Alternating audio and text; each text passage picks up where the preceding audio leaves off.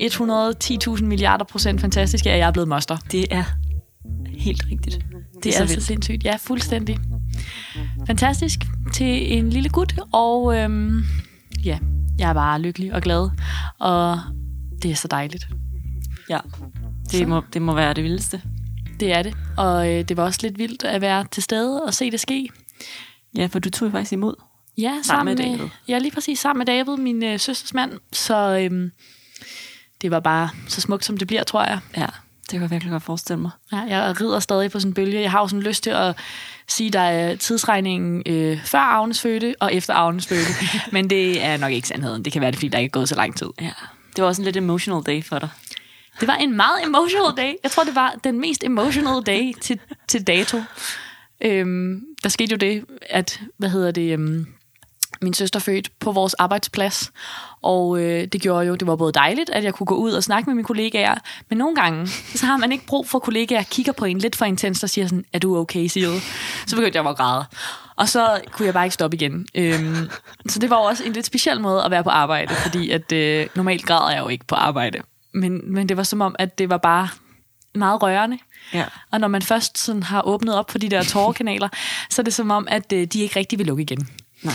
Og øh, når jeg så sagde til hende sådan, hold kæft, forklarer du det godt, så kunne jeg bare mærke, at jeg bare virkelig følte det. så kunne jeg sidde og græde lidt over det. Så det var, øh, det var meget interessant. De var ret gode til sådan at, at bære over med det, vil jeg sige. det kan Ej, måske lidt meget så... kræve af nogen, der føder. Men... Jeg kan så godt forestille mig dig i den der situation, bare være sådan helt, helt sådan oprigtig emotional. Og, ja. Ja, men øh, det stoppede ligesom heller ikke rigtig bagefter. Altså, jeg græd også. Jeg tror, jeg græd i sådan noget 5-6 timer bagefter. ja. og sådan, jeg snakkede med dig i telefonen ja. på vej hjem. Og var det, også bare sådan, Mæh. ja, fuldstændig. Det var også lidt cute. Men nu er jeg stoppet med at græde, og det er sgu egentlig også meget rart. Altså, der, der er ligesom en grænse for, hvor længe man kan gøre det, før det bliver lidt, lidt trættende i længden. Men øh, så nu er jeg bare glad. Og nu er du bare glad. Og moster. Simpelthen. Og moster. Ja, var det fantastisk. Er det fantastisk. Ja. Nå, men vi er her jo også, fordi vi skal snakke om noget i dag. Det er rigtigt. Det skal vi noget andet, end at jeg er blevet moster. Ja, også det. Og vi skal snakke om noget ret fedt i dag. Vi skal, ja, det skal vi. I hvert fald noget, vi synes er ret fedt. Mm. Så vil, vil vi lade det være op til jer at vurdere, om I også synes, det er fedt. Vi skal snakke om øh, vandfødsler. Ja både lidt om det at bruge vand som smertelindring under fødslen, men mm. helt klart også rigtig meget om det med at føde i vand. Mm. Hvad det kan. Lige præcis. Altså sådan lidt skillende imellem bare at være nede i vandet, eller at lave the actual birthing nede i vandet. Ja. Ja. Det, det, øhm, det er også noget, der deler vandene. Mm. Hold kæft, mand, der kommer til at komme mange gode jokes i dag. Ja. ja, det er sandt, og det er det. Og der er også nogen, øhm, der er både nogen, som slet ikke har nogen planer eller drømme om det, og så er der også dem, som gerne vil, men finder ud af, at det bare ikke lige er sagen for dem. Mm.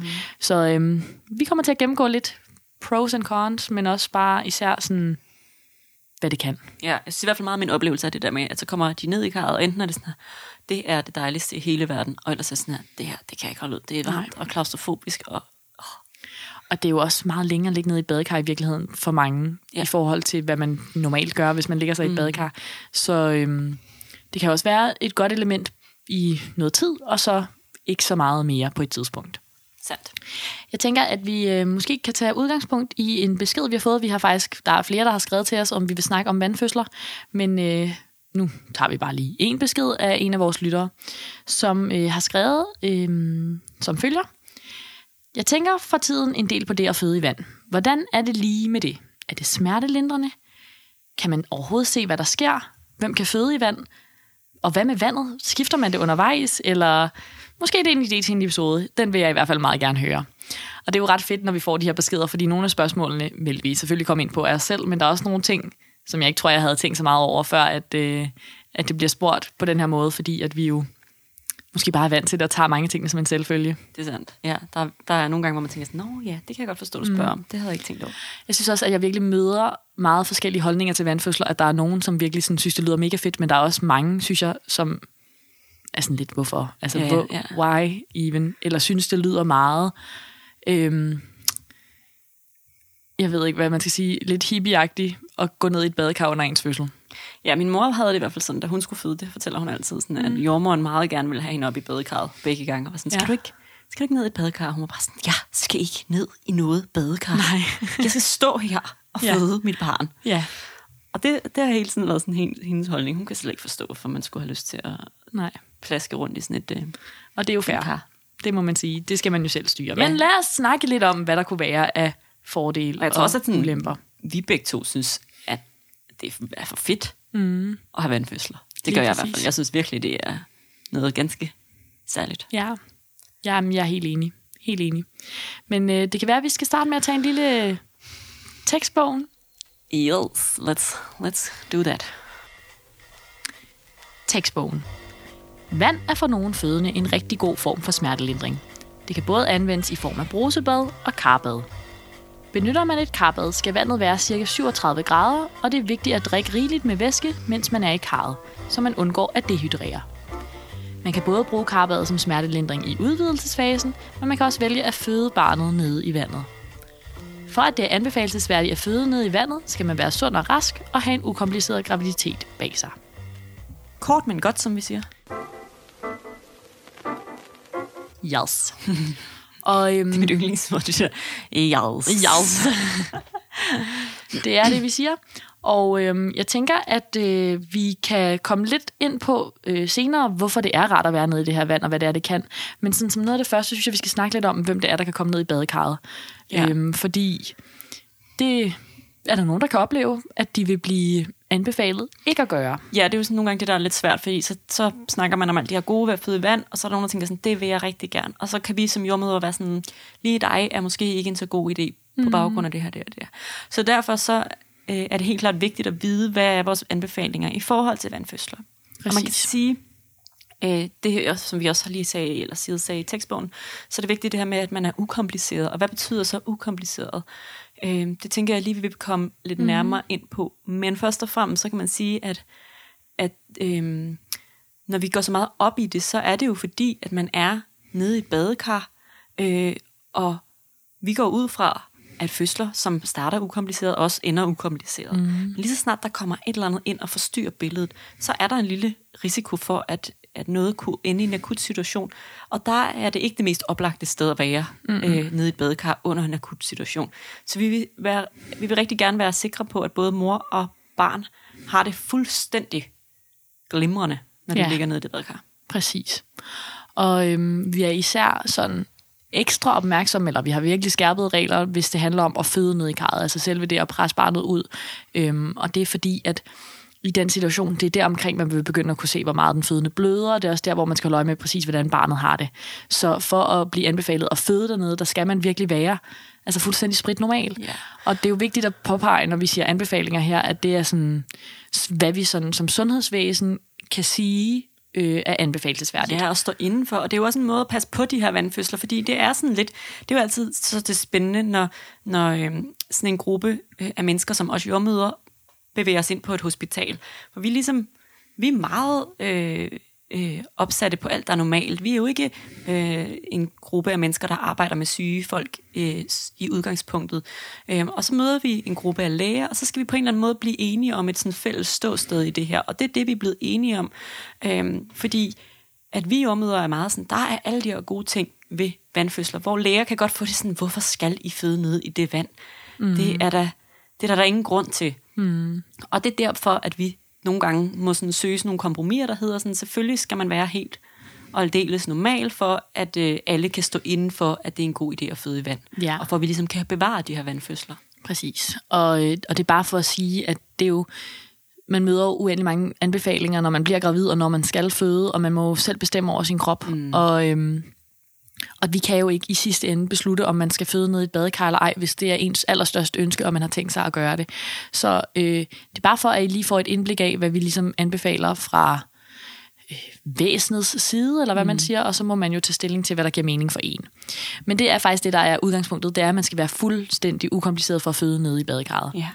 Men der er jo så også øhm, en lang fødsel foran en, før man rent faktisk skal føde, hvor at man måske godt kan komme ned i et badekar. Og der er reglerne nogle lidt andre, hvis man vil være dernede og øhm, have vejer i udvidelsesfasen for eksempel. Og det, der så er lidt spændende på det område, det er, at nu var jeg lige inde og tjekke vores retningslinjer der på det sygehus, hvor vi arbejder, inden vi skulle lave den her episode. Og øhm, der står i retningslinjerne, at man kan komme ned i badekar, hvis der ikke er behov for kontinuerlig overvågning af barnet. Mm. Og det vil sige, hvis der ikke er behov for, at man sætter sådan en hjertelydskurve på, hvor man holder øje hele tiden. Det, der så er lidt spændende ved det, Øhm, grunden til, at man har lavet den hvad hedder det, retningslinje oprindeligt, det er, at for ikke så længe siden, så havde vi kun sådan nogle apparater med ledninger, som ikke kunne tåle vand. Så selvfølgelig, hvis man skulle overvåge hele tiden, så kunne man ikke være nede i badekarret. Ja, det gav ligesom rimelig meget sig selv. Lige præcis. Og det er jo måske mere, mere derfor, man har lavet den retningslinje, fordi at man har tænkt sådan, vi er nødt til at prioritere overvågning over smertelindring, hvis der er nogen bekymring, og derfor så er man nødt til at være oppe og finde på noget andet smertelindring. Ja. Men nu har vi faktisk øh, altså CTG-apparater, som kan tåle vand og som er trådløse. Ja. Og øh, det betyder, altså hvorfor skulle man have lavet de her trådløse, vandfaste apparater, hvis ikke det var for, at man kunne komme ned i et badekar. Så Ja. øhm, nu kommer der rigtig mange fødende ned i badekar, som har overvågning på, øh, og det er stadig ikke der, øh, vores anbefaling, at de føder dernede, men man kan sagtens være dernede i mange timer under fødslen som smertelindring. Øhm, men det skaber så også et gråzoneområde, hvor at vi nogle gange skal beslutte lidt fra tilfælde til tilfælde, hvad er årsagen til, at vi skal overvåge? Er det noget, hvor at det kunne være uhensigtsmæssigt at være nede i et badekar? Ja. øh, i forhold til det, du siger, Frederikke, med de her akutte situationer. Men det gør det også lidt øh, mindre sort-hvidt. Altså, vi skældner ikke på samme måde imellem fuldstændig ukompliceret og nogen, der har nogle komplikationer med sig. Nu har vi sådan lidt et stort, gråt område, hvor at, at der er mange, der får lov til at komme ned i badekarret. Ja, Ja, men stadigvæk øh, ikke bliver anbefalet at føde dernede. Det er sådan en Ja. væsentlig ting at hele tiden at holde sig for øje. Det her med, ja, du kan godt komme ned i et badekar, og så når du når dertil, hvor at, øh, det er tid til, at du skal presse, så vil vi anbefale, at du kommer op af badekarret. Ja. Øhm, ja, men, men jeg synes lige, vi for, at- for alle ligesom kan være med på, hvad er en ukompliceret øh, graviditet, eller hvornår mm. er man ukompliceret fødende, måske lige gennemgå nogle af de, det er ikke sikkert, at vi kommer omkring alle, fordi der er altså trods alt ret mange øh, forskellige ting, man ligesom kan have af, af afarter, men som, som udgangspunkt kan man sige det der med, at man skal være sund og rask inden sin graviditet, mm. øh, så man skal ikke have en eller anden sygdom med sig, som øh, på en eller anden måde kan have en, øh, en effekt på graviditeten og fødslen. Og her så er det tit væsentligt at tænke sådan, er jeg blevet fuldt ekstra med scanninger for eksempel, så, øh, så kan der godt være en grund til, at man tænker sådan, så skal du nok ikke føde med vand, og det føde ned i vand, og det kommer selvfølgelig også ind på, hvad for nogle scanninger, og hvorfor de scanninger er lavet. Mm. Øhm, og ellers kan man sige sådan noget med, for eksempel, hvis man har et, et blodtryk, der har drillet i graviditeten, det kan også være noget, øh, mm. som gør, at man tænker, "Jamen, så skal du ikke være nede i vandet. Mm. Hvis, øh, hvis det har været for højt, er det her, jeg tænker på. Mm. Øh, især hvis man er der, hvor man sådan har været i medicinsk behandling for det. Øh, men også hvis vi ligesom tænker, at, øh, at man er blevet tjekket meget for det, og går sådan lidt på den ene side på den anden side. Mm.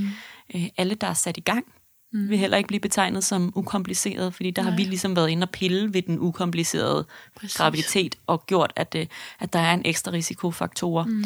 Øhm, ja. hvis vandet, fostervandet er grønt, mm. det er også en ting, der gør, at, øh, at man vil sige, "Jamen, så, så er vi- er vi ikke længere ude i en helt ukompliceret mm. fødsel. Så er der en ekstra opmærksomhed på det. Mm. Øh, og det kan selvfølgelig også være, at, øh, at der er noget med barnets hjertelyd undervejs. Præcis. Øhm, og så sådan en sidste ting, jeg lige tænkte, at det er dem, der har tidligere haft et kejsersnit. Der kan man også godt tænke, at min graviditet har været helt normal. Der har ikke været noget med min graviditet den her gang. Men du har stadigvæk et kejsersnit ar i maven, som gør, at vi vil have overvågning på. Mm. Øhm, så derfor så, så vil man heller ikke anbefale at føde i vand. Nej, og, og fødevand her mener, eller der mener vi føde, altså selve det at føde barnet dernede. Mm. Øhm, og mange af de gravide og fødende, som du beskriver der, vil måske godt kunne være dernede ja. i Ja. karret i noget af tiden. Så øhm, jeg tænker, man skal se vandfødsel lidt som sådan et redskab, man har i sin værktøjskasse til smertelindring, og øh, som kunne være mega fedt, og så må man tage det, som det kommer. Det kan være meget svært at planlægge på forhånd, øh, også fordi, at selv hvis man har haft en graviditet, som er forløbet ukompliceret, så er nogle af de ting, du nævner der, det er jo også ting, der sker under en fødsel. Ja. Øhm, man kan få behov for en epiduralblokade, eller Ja. øh, et V-stimulerende drop, eller noget andet, som gør, at det bliver mere kompliceret at komme ned i det badekar der. Ja, det kan man sige. Det er jo også, altså man kan sige, får man en epiduralblokade, så kan man, så kan man ikke komme ned i badekarret. Nej. Så er det simpelthen øh, ja, ikke længere en mulighed. Og det er selvfølgelig både, fordi der er en, et lille øh, kateter, der går ind i ryggen, og det vil man helst ikke, øh, der skal man ikke have nogen bakterier ind, og det vil der være i vandet. Øh, og så er det andet, at man, man bliver meget mindre mobil, mm. ofte i hvert fald, af at have en epiduralblokade. Så det er også en af de der ting, hvor man sådan, der, det kan ikke lade sig gøre. Lige præcis. Så øhm, det, det er sådan lidt øhm, noget, man finder ud af i situationen, når man kommer ned i badekarret. Men øh, jeg synes, at det er et, en mega fed mulighed, vi har, og jeg synes, det er mega dejligt, at vi på, i hvert fald der, hvor vi arbejder, har de her trådløse, vandfaste CTG-apparater. Det er mm. altså ikke alle sygehus, der har dem, så der er nogen, hvor man stadig kan køre den der helt sort-hvid. Hvis du skal have overvågning på, kan du slet ikke komme ned i karret på noget tidspunkt. Øhm. Og en anden ting, vi har, som jo også er væsentligt også lige at vide, det er, at vi har øh, badekar på alle stuer, men det er jo heller ikke alle steder.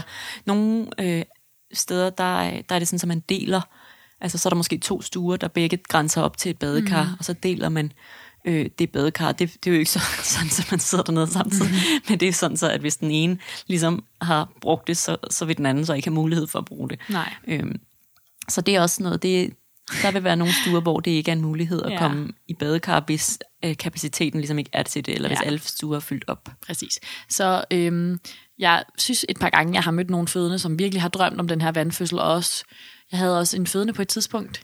Det var ret interessant, som havde, det var tredje gang, hun skulle føde, og øh, hun havde bare virkelig gerne ville føde nede i det vand de to første gange. Hun simpelthen ikke nåede det, fordi hun havde født så hurtigt. Mm. Og det var bare hendes største drøm. Og det ender så med, at det går rigtig hurtigt igen, da hun skal føde tredje gang. Og så får vi hende sådan, altså lige akkurat ploppet ned i det her vand, og så tror jeg, hun føder to vejer efter. Og hun var bare så lykkelig, no. og det var bare det, der var hendes drøm. Og øh, det er jo fantastisk, må man sige. Men man kunne også argumentere for, at at måske skal man have vandfødsel som et redskab, og hvis ikke man når det, så, så er det jo også okay, så det er jo fordi, man har øh, klaret det på en anden vis. Og hvis ikke man har mulighed for det, så hjælper vi jo på en anden måde. Men der er nogle gange nogle fødende, som ligesom virkelig ser det her vandfødsels, øh, den her vandfødselssituation for sig som, som drømmescenariet, ja. og, og det kan jeg også godt forstå. Ja.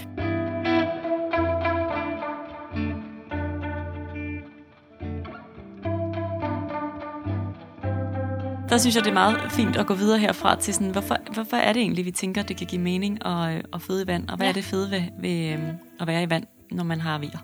Yes. Og der er jo rigtig mange fede ting, vi kan nævne her. Altså den første sådan fuldstændig oplagte ting, det er jo, at vandet er varmt og dejligt. Ja. Og vi bruger varme på mange måder. Altså, der er jo både brusbad, som vi også nævnte i tekstbogen, øh, med ja. varmepuder. Ja, og jeg synes faktisk lige, vi skal, vi skal øh, dvæle ved brusebadet et øjeblik. Ja, lad os Fordi gøre det. at øh, at det, øh, den er nok også lidt overset ja. i hele det her med smertelindring med vand. Og, øh, og der er for nogen, er det simpelthen det fedeste i verden at sidde mm. med sådan en varm bruser mm. øh, på sin lænd, for eksempel. Så kan man sådan indstille den, sådan, så man kan sidde ned, og så kan den bare sådan være målrettet lige mod lænden. Øh, så kan man sidde ude i det og, og have vildt god gavn af det. Ja. Og det er jo også det, som vi tit anbefaler, hvis man er derhjemme. Det er ikke så mange, der har badekar derhjemme, men der anbefaler vi virkelig tit, at man går ud under bruseren og står, mm-hmm. sådan så hele ens krop ligesom bliver varmet op, og derfor også sådan bliver en lille smule lindret af det. Ja. Og det, øh, altså, jeg synes, det er fedt. Og jeg synes også, der er noget fedt i bruseren versus badekarret.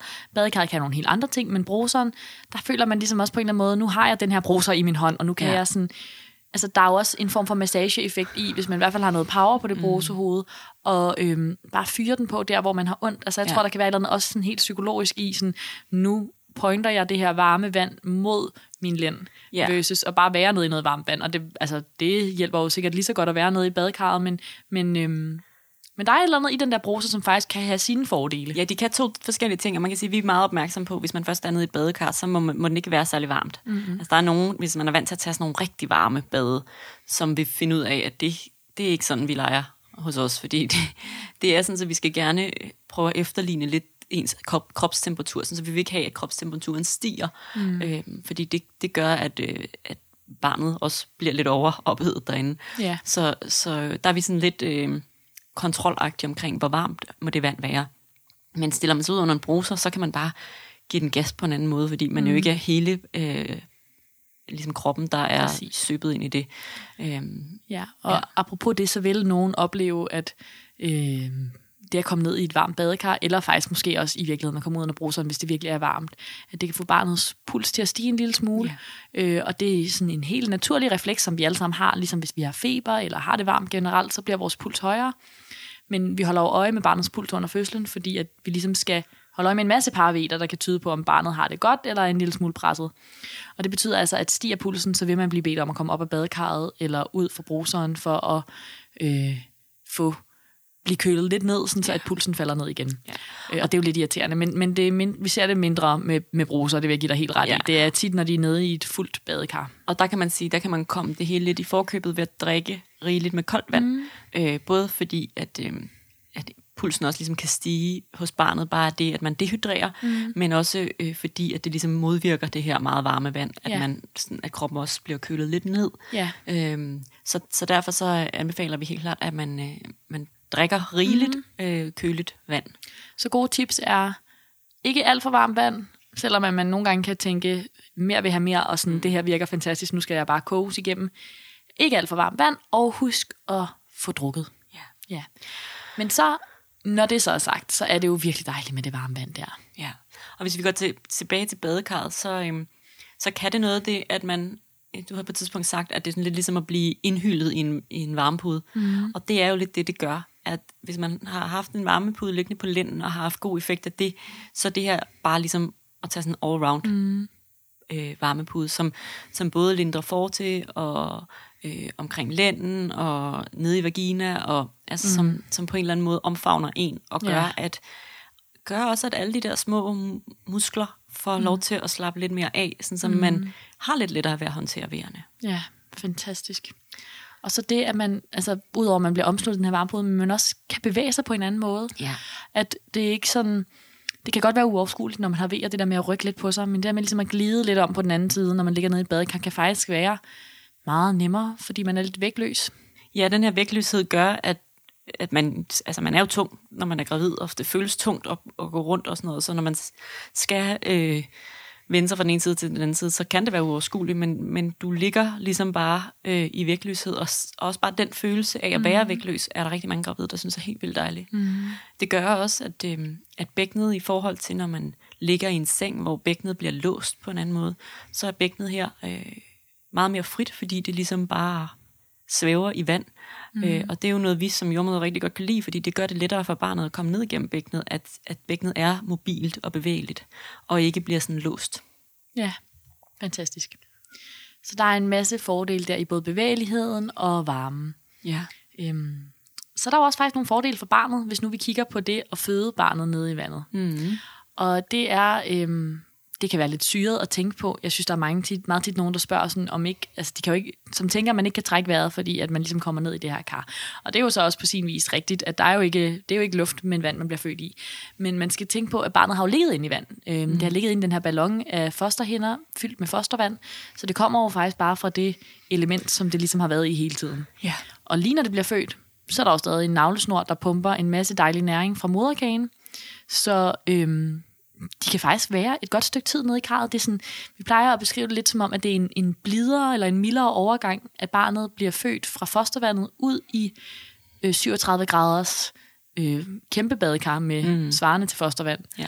Øh, og så fordi de stadig får næring, så øh, ja, åbner de, de åbner ikke op og begynder at, at prøve at trække vejret, før man ligesom får dem oven vande. Nej. Ret magisk i virkeligheden. Ja. Så man kan faktisk... Øh, have barnet et stykke tid under vandet, og det er jo ikke, fordi vi bare lader dem svømme rundt dernede. Men, Ej, man er ret men, klar til at se det her lille baby, præcis. lille baby, når man først har født det. Ja, man vil jo gerne have den op til sig, men der kan være noget magisk i, at det lige får nogle sekunder mere, at man kan kigge ned på det her barn og tænke sådan, nu har jeg faktisk født, og selv tage barnet op til sig, altså fordi, at det godt kan ligge et stykke tid dernede, og der, det kan også jeg synes bare, at det, der er noget vildt i det der syn af det der baby, der ligesom nærmest, nogle gange ser det nærmest ud, som om de svømmer en lille smule rundt ned i det der kar. Ja. Øhm, at det er bare ret fantastisk at se. Det er jo det, de har gjort hele tiden. Mm. At tænke lidt over, hvor syret det i virkeligheden er. Ja. Og så er det først, når de kommer oven vande, at de så begynder at skrige. Øhm, og nogle af dem skriger faktisk ikke engang særlig tydeligt, fordi at de ikke har fået det der chok, som de normalt gør, når de ligesom bliver født ud i luften. Altså vi ser, at de er sådan lidt mere stille. Ja. Øhm, og det kan godt sådan også bekymre nogen, men, men det her simpelthen, altså det, det har vi bare erfaret, at de er bare lige lidt mere stille det første minuts tid, og ligger nogle gange bare og kigger lidt rundt, og mm så plejer jeg altid at opfordre, at man snakker lidt til barnet, og nu så det lidt, mm. og sådan mhm. lige minder det om, at man er her, og sådan nogle ting. Præcis. Og så, øhm, så, så begynder de langsomt bare, at, altså måske græder de, men det, det er ikke altid, at de Nej. græder. Altså, der er sådan en ret tydelig måde. forskel, synes jeg, at det, det er oftere, at de bare sådan helt roligt bliver lagt op, åbner øjnene og begynder at trække vejret, men ikke sådan med skrig og skrål, som Nej. ellers er det, man tit forventer, når man, når man føder, og det er også derfor, det kan være, være lidt overraskende, men i virkeligheden er det jo et godt tegn. Ja. Og det er Øhm. selvfølgelig igen også sådan, der skal man bare vide, at vi holder jo hele tiden øje med Ja. barnet. Så hvis vi er bekymrede, så gør vi jo et eller andet. Øh, Præcis. Så man skal prøve at se, at man bare kan hvile tilbage mm. i, at alt er, som det skal være, indtil mm. vi siger et eller andet. Lige Øh, præcis. Og det, det er bare normalt, så folk bliver nogle gange lidt mere sådan, hvorfor græder det ikke, Ja. og øh, er der noget galt, og sådan noget. Og det skal vi nok se til, hvis der er. Mm. Øh, men, men også bare vide, at det er bare tit sådan, at, mm. at børn, der er født i vand, ser ud. Så de kan faktisk være under det vand et stykke tid. Det vigtige er ligesom, at når først de er kommet op i luften, at man ikke plopper dem ned igen. Jeg ved ikke, Ja. hvorfor man skulle gøre det, men sådan, hvis Nej. man lige er i en stilling, hvor at det kan være lidt svært, så kan det være, at man skal have en hjælpende hånd til at, at holde barnet oven vande, fordi at, at så snart det kommer ud i luft og ud af det vandelement der, så, så begynder de ligesom at åbne op og trække vejret. Ja, der kan man sige, der er det, også, det er også derfor, vi kan, vi kan blive sådan lidt, man kan sige, hvis man ligger på ryggen, så er det som regel ikke noget problem, men hvis man sådan føder på knæ, mm. eller øh, på huk, eller sådan på den måde, øh, så er vi ret sådan øh, opmærksom på, at man beholder numsen nede under vandet, mm. fordi man kan sige, det nytter ikke noget, at man har numsen oven vandet, så barnet først bliver født i luft, og så plopper ned i vand mm. bagefter. Så skal man ligesom have det under vand Ja. hele vejen, øh, så det ikke begynder at trække vejret, og så kommer ned i vand, Ja. fordi det er noget værre råd. Så er det ikke så fedt. Det er lidt for tidligt at få et bad. Ja. Men, øhm, men hvis ikke man har oplevet luften, så, så passer det super. Ja. Jeg synes også, at, at det er værd her at snakke om, omkring det her med, at, at uh, selve pressefasen tit, det er egentlig der, jeg synes, den, den en rigtig stor forskel er, mm. øhm, at den kan være lidt anderledes, eller i hvert fald føles en lille smule mindre overvældende. Øh, og det øh, tænker jeg er fordi, at, øh, at igen det her med, at det lige tager toppen af det, der gør ondt. Det vil sige, det tager også lige toppen af det, der brænder og sviger, og, øh, og er voldsomt Ja. i det, man føder øh, barnets hoved. Øhm, så jeg oplever, at, øh, at de fødende har lidt lettere ved at være med i pressefasen, mm. øh, selv at kunne mærke, sådan, hvornår, hvornår skal jeg presse, og hvornår Ja. skal jeg puste. Øhm, hvor at man godt kan blive sådan lidt overvældet, når man det kan man under alle omstændigheder, men jeg oplever mere, at man på land ligesom tænker sådan, åh, oh, det gør ondt det her, jeg må hellere Mm. presse igennem. Øh, at man har lidt lettere ved at sådan mærke efter og være til stede og lytte til, hvad jordmoren mm. guider en til at gøre. Øhm, og, og at det også bare er lettere altså, mm. sådan at, at være, være med det, mm. det nu engang er at presse et baby ud. Øhm, Ja, ja og, og måske er det, fordi man stadig har den her kæmpe store varmepude, der mm. omslutter en, ikke? så man har ligesom noget smertelindring, og har man, altså er man på land, og har man haft varmepuder på lænden og så videre, så det er jo ikke, fordi vi fjerner dem, bare fordi man træder ind i pressefasen, men, men det er sjældent, at det er der, vi begynder at foreslå alt muligt ny smertelindring, fordi man er så tæt på mål, og fordi vi ligesom selvfølgelig skal passe på jeres mellemkød og være på og, øh, og have et andet fokus, hvor at, at der er det bare fantastisk, hvis man er nede i sin mm. kæmpe Ja, og jeg tænker, tænker også meget for neden i virkeligheden. Altså, Ja. at i vagina, den der øh, fornemmelse af, at det svir Mhm. og spænder dernede, at den bliver en lille smule mindre. Mm. Og vi gør det jo, når, når man føder på land, så bruger vi jo tit, øh, jeg gør i hvert fald, og det ved jeg også, at du gør, mm. øh, bruger varme øh, plude på, på mellemkødet, og sådan Ja. for at, at på en eller anden måde efterligne lidt det, som, som Ja. vand i et badekar kan gøre. Mm. Øhm, men her, altså så er det jo sådan noget med at tage en klud og proppe den på, og så mm. efter et par minutter øh, vride den op igen og proppe den på, Ja, hvor her præcis. der er der sådan, den er kontinuerlig, og den er der hele tiden. Ja. Øhm, det er jo også noget, der i virkeligheden øh, hjælper mellemkødet, altså mm. for både at være mere, øh, fordi der er mere blodgennemstrømning i øh, mellemkødet, når man er i vand, og mm. når man har varme på sig, øhm, så, øh, så hjælper det ligesom med at kunne give sig. Øhm, så det, det mindsker også øh, bristninger. Øhm, Ja. Og der er også noget omkring det her med, at, at vandet ligesom laver en, et modtryk. Mm. Øh, det skaber en lille smule modstand på barnets hoved. Ja. Øhm, så, så der er også en, helt klart noget gavnligt i det. Ja, bestemt. Det man så lige kan nævne der, det er, at vi øhm, som jordmødre, så støtter man mellemkødet, og, øh, og i hvert fald i langt de fleste fødsler mm. vil vi gøre det. Hold godt øje med mellemkødet, for ligesom at sikre sig, at øh, vi mindsker risikoen for bristninger så meget som muligt. Men det er selv sagt lidt sværere, når man er nede i et badekar. Det var også det, som lytteren havde skrevet til os i Ja. den Instagram-besked der, at og man overhovedet kan se ned, nede i badekarret, og det kan man så godt. Altså, vi, man kan godt se igennem vandet, men, men overblikket er lidt dårligere, og, øh, og det er også klart en værre arbejdsstilling for os at skulle ned i et badekar. Så øhm, der er lidt mindre mulighed for at støtte. Mm. Det man så omvendt kan sige om det, det er, at Øh, det, der er ikke rigtig blevet lavet noget god forskning, der viser, at der er en bestemt måde at støtte på, som hjælper meget. Vi gør det, fordi at det føles naturligt, og fordi vi har en tro på, at det hjælper. Men det, som forskning rent faktisk har vist, det er, at varmt vand virker. Ja. Så øhm, hvis man skal kigge sådan rent evidensmæssigt, så burde det i virkeligheden være skide godt at være nede i et badekar. Ja. Så hvis det er noget, man frygter, øh, det at der ligesom ikke er lige så meget støtte på fra jordmorens side, så prøv at, øh, at tænke lidt over, at det måske i virkeligheden faktisk gør noget andet rigtig, rigtig Ja. godt. Ja. Ja, og det, det, det tror jeg da helt klart, du har ret i. Altså, så, øhm, så det er sådan ligesom, så, så er der noget, man ikke kan. Til gengæld så får man en masse fordele fra vandet i sig mm-hmm. selv. Så det, ja, det er jo også, hvad man er til. Men, Præcis. Men, øhm, men bestemt, ja. ja.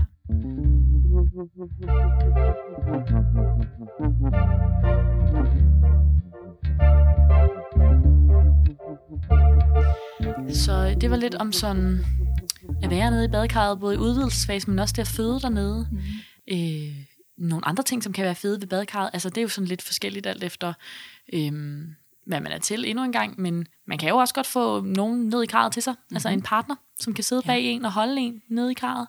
Og øh, det, hvis man gør det inde på en fødestue, inde på et hospital, så skal man selvfølgelig have noget badetøj med eller et eller andet. Nu siger jeg selvfølgelig, altså det kan jeg jo i virkeligheden ikke bestemme, men jeg tror, at de fleste både selv vil synes, det var rart, og øh, måske også de fleste perso- øh, hospitalspersonale Ja, jeg tror- synes, det var en god idé. Jeg tror særligt, hvis vi er ude i, at man har en mandlig partner, mm. så sætter jordmøder pris på, at de har et par badebukser på. Ja. Vi er bedst til kvindelige underliv. Ja, så øh, det kan man jo lige overveje. Men øh, hvis man ikke er til det, så kan man jo også stå om bag badekarret. Altså hvis man ligesom vil have den samme fornemmelse af, at nu er vi sammen om den her fødsel, og, øh, og nu står vi i den samme ende, og ligesom ser det her barn komme ud og, og svømme rundt ned i karret og tager det op til os. Så man kan sagtens hjælpe til selv, hvis man ikke vil ned i det kar der. Men, øh, men det er mere for at sige, muligheden er der, og, øh, og det kan man gøre, hvis man Helt klart. er interesseret i det. Helt klart. Det er også øh, noget, der gør det en lille smule lettere øh, at tage imod selv, altså når man føder i vand. Mm-hmm. Øhm, det, øh, det opfordrer jeg mange til, mm. og det synes jeg giver rigtig god mening, fordi man kan ligesom være meget mere med. Øhm, og og det, øh, det, hvis det er noget, man sådan synes er fedt, så, så er det helt klart Ja. lettere i Det vand. er rigtigt. Også fordi man har al den tid, hvor barnet ligesom er under vand, og, og det er stille og roligt. Ja. Så det, øhm, det synes jeg klart, du har ret i, og det kan være ret magisk. Øhm, jeg tænker, at vi lige kan gennemgå måske et par ulemper ved at være nede i badekarret. Ja, For øhm, nu taler vi om en masse dejlige ting ved det, men der er også nogle ting, som sådan man i hvert fald lige skal overveje. Øhm, der tænker jeg sådan helt praktisk, at vandet godt kan blive beskidt. Ja, altså nu, øhm, nu kan det være alle mulige forskellige former for snavs. Man kan også gøre nogle forskellige ting for at undgå det. Men når man presser, er der jo også en rimelig stor risiko for, at der kommer noget afføring ud. Mm. Og øh, det, det er faktisk sådan lidt forskelligt, hvad vores sådan, tankegang er som jordmøder. Nu har vi diskuteret det lidt på arbejdet her ja. på Ja. det seneste, men øh, der er, vi har jo det her klyk, som er et tilbud, man kan få et lavmang, øh, hvor man kan få tømt sin endetarm øh, i, undervejs i fødslen. Og jeg ved, at der er rigtig mange jordmødre, som har det som sådan en fast rutine, at hvis man skal i et badekar, så tilbyder de, at man får et klyks, ja. og lige går ind under bruseren, og lige tager et bad bagefter, sådan, så man er så ren som muligt, inden man skal op i badekarret. Og det er jo med den tanke, at prøve at sørge for, at det badekar bliver ved med at være fyldt med rent vand. Det, der så er den modsatte ulempe, det er, at øh, giver man klykset, så er det noget, det er noget væske, man sprøjter op i endetarmen. Så det afføring, der står, kan blive sådan lidt mere sharpet. nu skal jeg se, hvilket ordvalg jeg skal vælge her. Så øh, kommer der afføring ja. Ja. ud, så kan det nogle gange være en fordel, at det ikke er afføring, der har været i kontakt med et klyks, fordi at sådan noget sharpet afføring, der kommer ud i badekarret, er lidt sværere at fange, end øh, hård, fast afføring. Helt, helt rigtigt. Og jeg synes virkelig, det er sådan et sted, hvor at, øhm, det, synes jeg, det synes jeg lige, vi skal snakke lidt om. Ja. Fordi at det er nemlig rigtigt, at der er mange, der har det sådan her, og vi, også, vi, vi kommer virkelig op og, og nogle gange har diskuteret lidt ud på i vagtstuen, at Ja. nogen har det sådan, at det skal man bare have, inden man kommer ned. Og jeg har nok mere den der, jeg synes, man skal gøre det, hvis det er rart for en selv. Mm. Altså hvis man, hvis man selv har det sådan her, jeg vil rigtig gerne have det lavmang eller klyksen, så jeg ligesom kan komme lidt, øh, mm. være lidt på den sikre side. Så synes jeg helt klart, at man skal have det. Så synes jeg også, at det er vigtigt, at man venter lidt, før man kommer ned i badekar. For det er tit der, den mm. ligesom går galt. Det er ikke også, at hvis...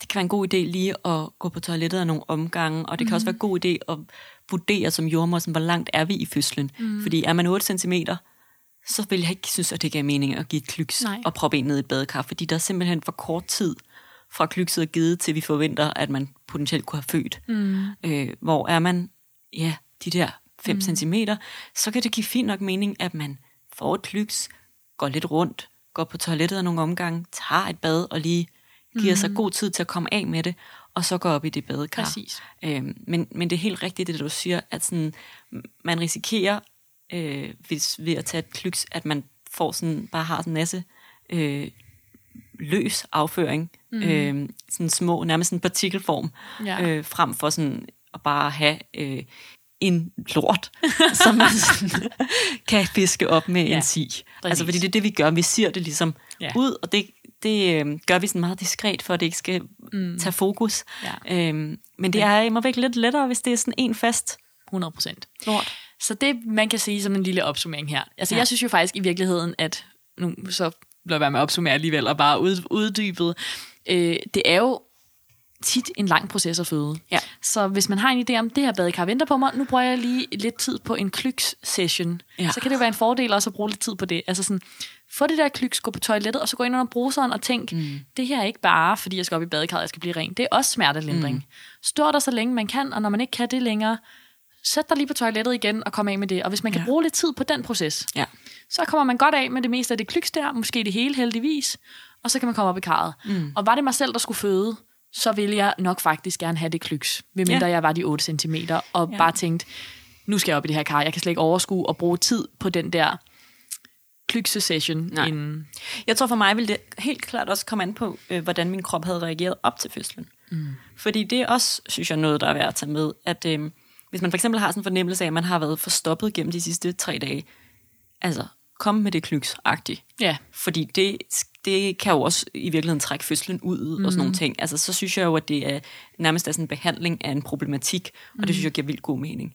Har man øh, derimod haft sådan fornemmelsen af, at ens krop gennem de sidste 12 timer øh, på en eller anden måde har udskilt alt det her, at man har gået helt vildt meget på toilettet, og måske også haft sådan en fornemmelse af at have sådan lidt dårlig mave. Det er der mange, der oplever på vej i fødslen. Så, så ville jeg også godt kunne være kommet til sådan, sådan en konklusion af, jeg tror faktisk, jeg er sådan relativt meget tømt ud. ja.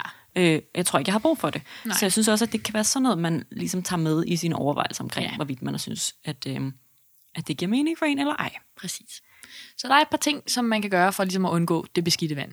Men et bad, synes jeg altid er en god idé. Ja, et bad er altid en god idé, og det er jo også, det tager jo lige lidt tid at fylde det badekar. Mm. Så i virkeligheden kan man lige stå under den varme bruser og få lidt lindring der imens, så øh, er det bare skide godt. Ja, også bare fordi, at ens krop arbejder jo, og man sveder og alle de her mm. ting. Og der, der synes jeg bare, det giver god mening, at man lige har skyllet sig over og ja. øh, er gjort sig klar til sådan at komme ned i det her badekar, fordi man også potentielt skal ligge der i rigtig mange timer, så man kan lige så godt have sådan et godt udgangspunkt. Ja. Og så, kan, altså, så kommer der ting til undervejs, og Ja. det er så, hvad det er. Præcis. Så er der også den ulempe, at øh, nogle gange så bliver man simpelthen så godt bedøvet, når man er nede i det her badekar, eller sådan lindret. Vi ser nogle gange, at, øh, at vejerne simpelthen går i stå. Ja. Og det øh, er typisk, hvis ikke at man, altså hvis man lige er på nippet til at komme i aktiv fødsel, måske man lige er kommet i aktiv fødsel, vejerne er lige blevet regelmæssige. Hvis man kommer op i karret der, så nogle gange, så kan de godt gå hen og blive lidt uregelmæssige igen, eller V-pauserne meget lange. Og øhm, det er nogle gange et argument, vi kan bruge som jordmødre til lige at vente lidt med, at man kommer op i karret. Det jeg plejer at tænke, det er, er man der, hvor man virkelig har brug for noget smertelindring, så er, ja, det er det lidt irriterende, at V'erne går i stå, sådan så at øh, der, der kommer til at gå lidt længere tid, men omvendt, så får man jo et break. Ja. Og så skal man selvfølgelig ikke ligge nede i det badekar i fem timer, uden at have en eneste V, altså hvis man gerne vil føde, så er det jo ikke praktisk. Nej. Men kan man sige, ligger man dernede en time, og V'erne er gået lidt i stå, så har man måske fået sænket skuldrene, blevet varmet godt igennem, og så kan det godt være, at man skal op af det kar for ligesom at få gang i V'erne igen, men, men jeg plejer ikke at, at tænke, at det skal være en grund til, at man ikke skal ned i karret. Nej, jeg vil også sige, at jeg er så meget, jeg er ikke så sådan der konsekvent omkring, sådan, Nej. hvornår man må komme i et badekar eller ej. Mm-hmm. Fordi jeg vil også opfordre, hvis man var derhjemme og havde et badekar, til bare at hoppe ned i det badekar, Præcis. Også selvom man, man var tidligt i fødslen, øh, hvis det kan give en et break. Det er klart, er man der, hvor at, øh, at man gerne vil videre, altså så, så kan det være, altså er det måske ikke så hensigtsmæssigt at komme ned i et badekar.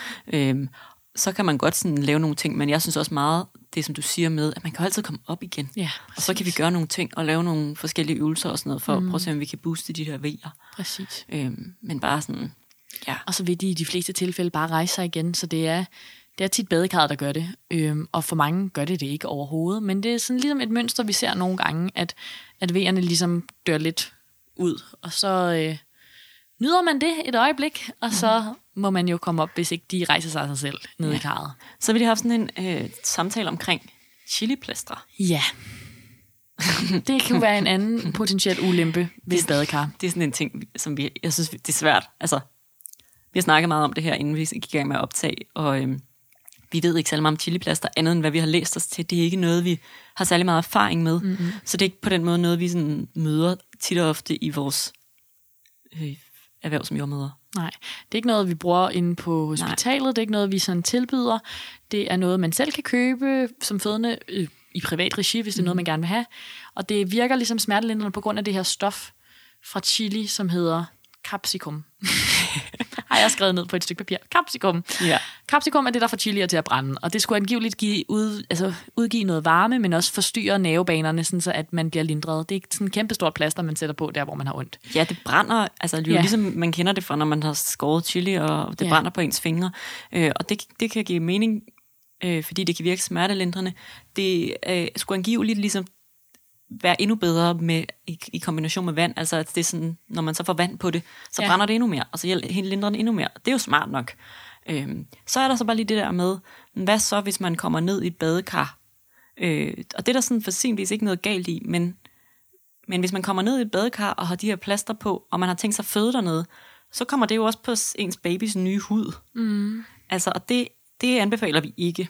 Nej. Så, så kommer desværre der, hvor vi sådan snakker om, men, men hvad så? Altså, hvor, hvor lang tid inden skal man så tage dem af? Og, altså, det vil jo stadig sidde på huden, hvis man sådan, ligesom tager dem af og hopper ned i badekarret, så vil der jo stadig være noget af det her capsicum på huden. Øh, og der kan vi altså ikke komme med sådan en, sådan en øh, direkte, sådan, så så mange timer inden, Nej. er øh, det er det, vi ved, fordi Det er jo fordi, det ikke er noget, vi også til. Ja. altså, tilbyder fra vores side af. Det, man kan sige, det er, jeg tænker heller ikke, det er hensigtsmæssigt, at man svømmer rundt i sådan et chili-bad, og så føder sit barn dernede. Men, men er det man kunne dernede... gøre ondt andre steder under. Jeg tænker faktisk også, det kunne gøre ondt andre steder. Ja, Og, ja, det er meget interessant at tænke på, ja.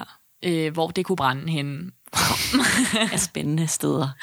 Men øh, ja, når det så lige er sagt, så kunne man jo godt, altså, hvis man har haft chiliplasteret på, og man tager det af, og man tørrer huden af, og man kommer ned i badekarret, så ved jeg ikke, hvor slemt det er. Men altså, som I kan høre, det, det er sådan lidt et vagt svar, vi kommer med. Øhm, jeg vil anbefale, at man ikke sad ned i badekarret med chiliplasteret, hvis man også fødte sit barn dernede. Ja, det vil jeg helt klart også anbefale, og det tror jeg faktisk også, det kunne jeg også læse mig til. Det er Ja. også sådan de generelle anbefalinger. Der er bare ikke nogen, der fortæller noget om, hvornår, øh, hvor tidligt man ligesom skal have taget dem af mm. øh, inden. Men man kan sige, hvis man stadig har den der brændende sensation på, på området, hvor de har siddet, så vil der være noget, øh, Ja. må man tænke, Det nogle man. af de her stoffer tilbage. Øh, så jeg vil sådan, som udgangspunkt sige, at at den sådan, følelse skulle være så godt som forsvundet, mm. før man sådan, ligesom tænker sådan, nu, nu giver det mening. Ja. Øhm, og jeg er lidt tilbøjelig til at sige sådan, det kan være, at jeg lige vil vaske området, inden jeg går, der, går mm. derned. Altså når jeg alligevel gik ud i brusebad, inden mm. lige, du ved, tage noget sæbe og lige Ja. smøre på det område, hvor jeg havde plasteret siddende på, Præcis. sådan, så man kunne prøve at komme lidt af med de der stoffer. Og, øhm, og en anden ting, jeg også kunne finde på at sige, var, altså måske skal man overveje de her plastre. Altså, jeg synes helt klart, at man godt kan købe dem og have dem som sådan en, en mulighed. Øh, men man kunne også altså prøve sådan noget som ingefærklude, som mm. kan noget af det samme, og som ikke har den der, det der krasse, krasse stof. Præcis. Øhm, Og det er noget, man laver selv. Ja. Det kan googles. Det kan og googles. det øhm, er for det første, må man jo sige, billigere og øh, ingen skade for vandet. Nej. Så øhm, overvej det, hvis man, virkelig, hvis man virkelig har en drøm om at føde nede i badekarret. ja. Ja.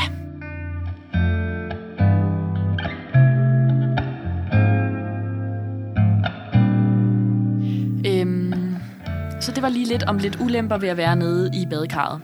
Så tænker jeg, at vi bare lige sådan helt kort kan bare lige lave sådan en praktisk opsummering, hvis vi lige skal slutte, øhm, i forhold til at føde i kar. Hvis du skal føde derhjemme, så skal du selv stå for at mm-hmm. få fat i et badekar. Det kommer hjemmefødselsjordmoren ikke med. Man kan købe et, og man kan også lege et, og jeg ved, at der tit er nogen, der sælger dem brugt. Øhm, og så kan man få en ny liner, altså sådan en nyt inder Plastik. plastiklag. Øh, og så er der lidt med en slange og noget varmt vand, så sørg for, at man har en god tank med varmt vand, hvis man øh, skal gøre det derhjemme. Så øh, undervejs kan der blive behov for at få hævet temperaturen lidt, hvis man er nede i karret meget længe. Øh, jeg ved, at hvis man har et badekar, og de kar, vi har inde hos os, der kan man ret hurtigt lukke noget vand ud, og så fylde noget oveni. Har man et oppusligt badekar hjemme i stuen, er det lidt sværere, mm. men så kan man skovle noget op med nogle spande, og så kan man koge noget vand i en elkedel, og bare komme noget rigtig varmt vand derned. Og så, Ja. så kan man også på den måde holde temperaturen i vejr. Ja, Så men det er det- klart også huske på det her med at holde det nogenlunde til de 37 grader. Yes, precisely. Men der er ikke nogen, altså sådan, kommer man ned på de der 32-34 grader, så begynder man at synes, det måske ikke er helt lige så, så smertelindrende som de dejlige 37. Ja, helt klart. Og Så, man kan også begynde at fryse, og det, er ikke, det, det var jo ikke det, der var tanken. Præcis. Øhm, øh, til gengæld, altså, der sker ikke noget ved, at den kommer op på 38 øh, grader kortvarigt. Det er ikke sådan, at man skal tænke sådan der, gud, alarm, alarm, Nej. alarm.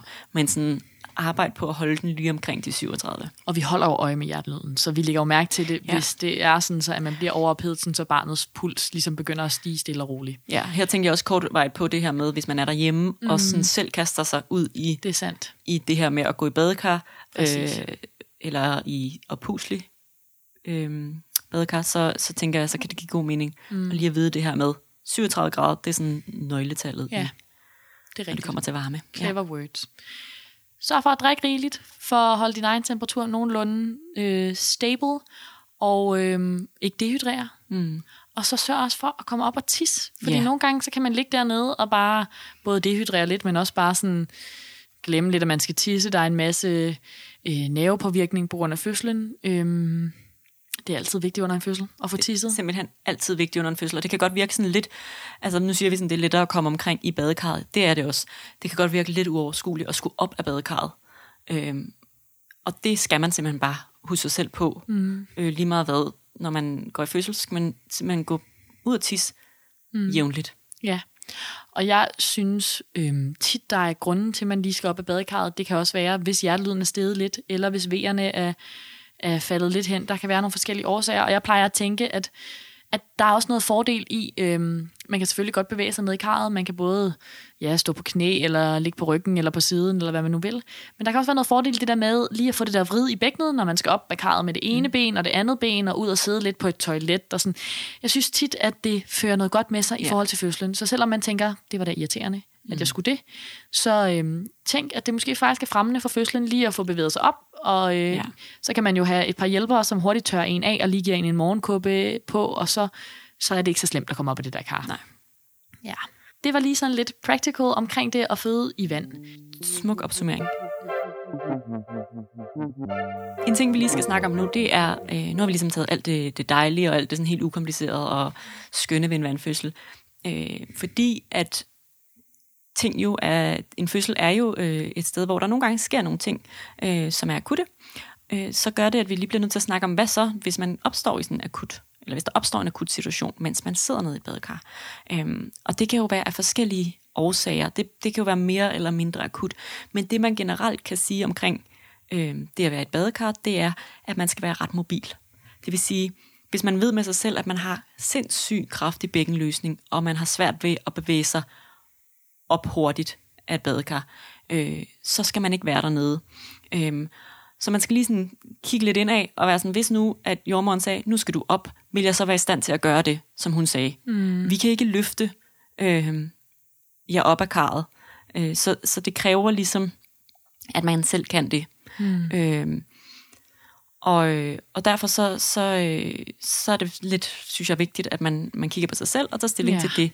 Øhm, og når det så er sagt, så som jeg også sagde, så hvis jordmoren siger, nu skal du simpelthen op af karret, og man er ikke i tvivl om det, fordi man kan høre på tonelaget, at, øh, at nu skal det være nu-agtigt, mm. så, skal man, så skal man gøre det. Ja. Øh, og så kan man ikke vente til næste V. Mm. Øh, og det kan være, øh, være virkelig, virkelig vigtigt, øh, at man kommer op hurtigt, øh, og kommer op nu, og ikke om lidt.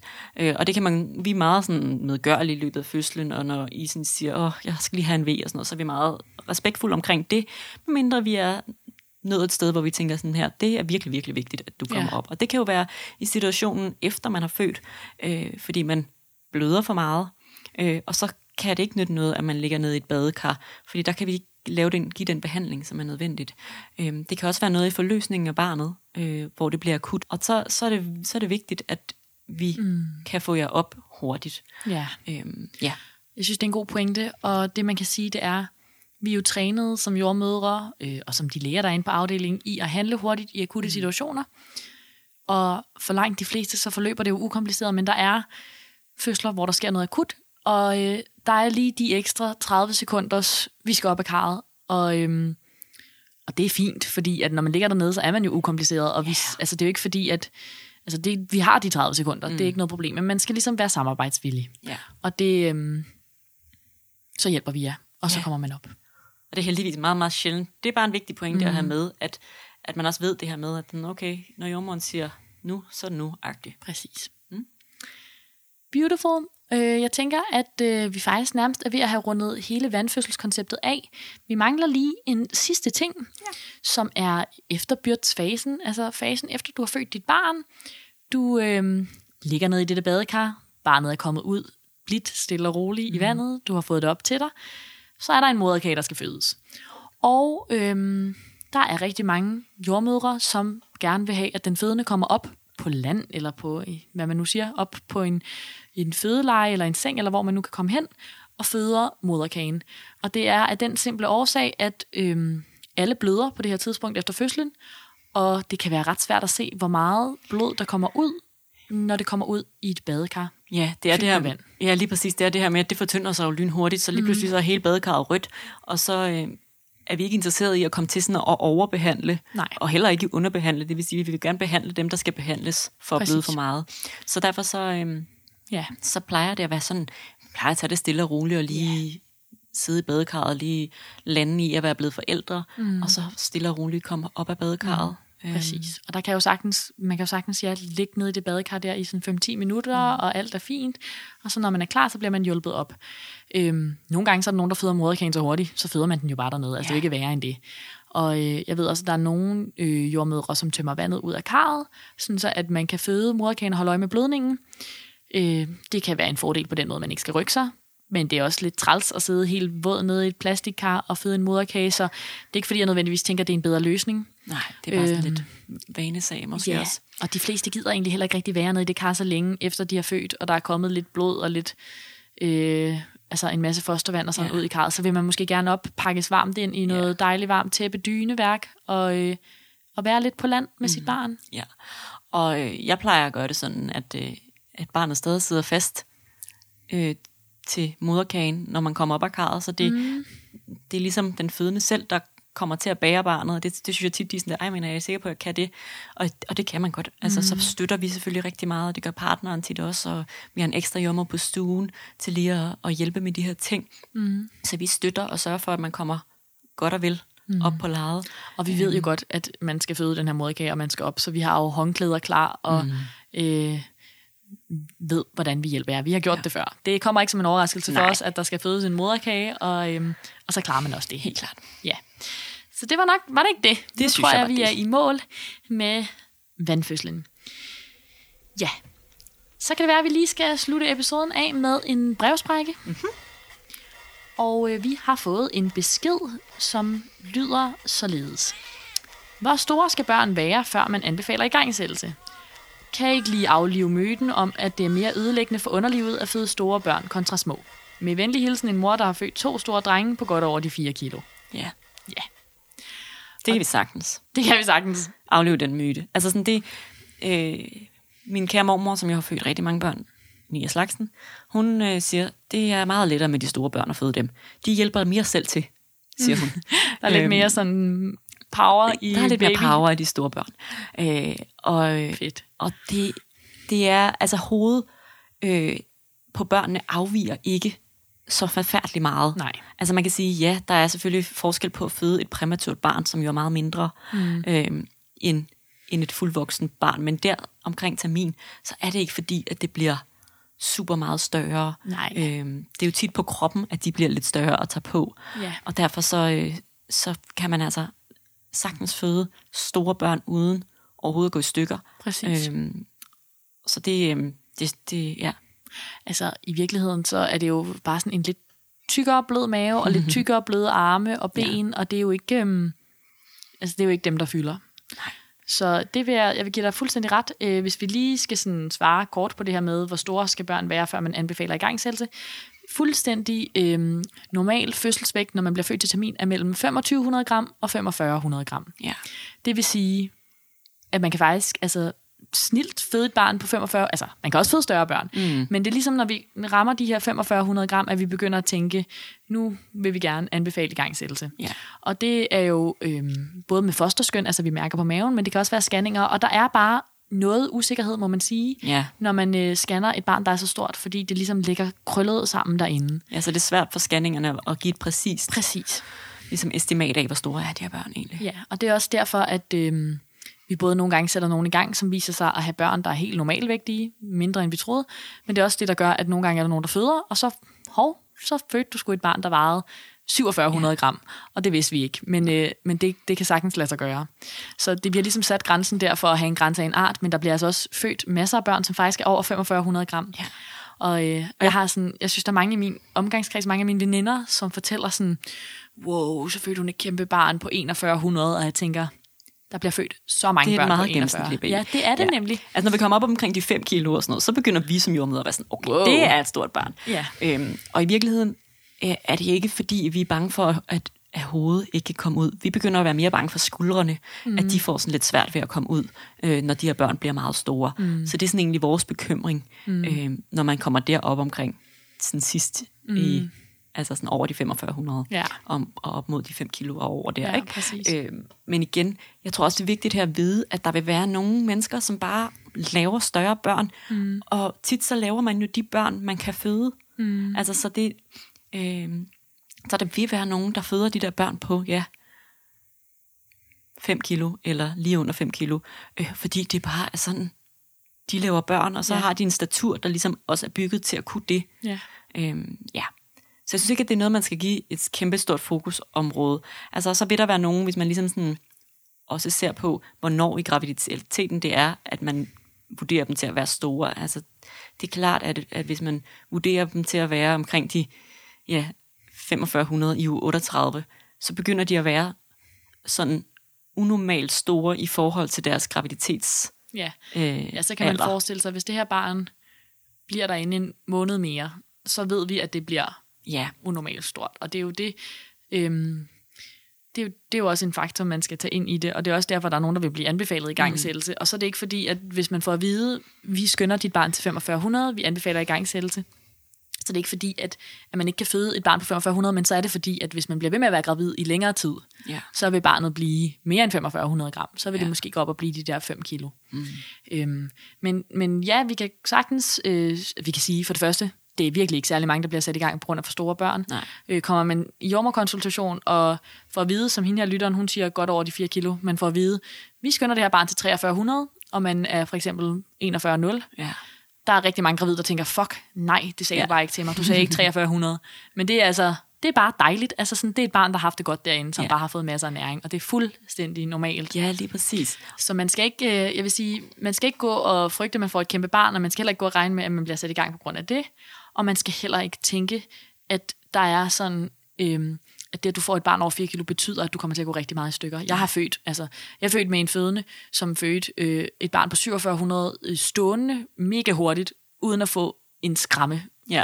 Og det er bare sådan, altså, Og sådan vil det bare være Præcis. nogle gange. Og jeg tror, at især hvis man også lige kigger på sin, altså sig selv og sin graviditet, øh, har den været fuldstændig ukompliceret, og er man helt sund og rask, jamen så, så er oddsene for, at man bare laver store børn ret store. Mm. Øh, har man, ved man, man har graviditetssukkersyge og sådan nogle ting, så er vi lidt mere opmærksomme, fordi så er der jo ligesom noget, som kan gøre, at de her børn bliver større, end de burde være.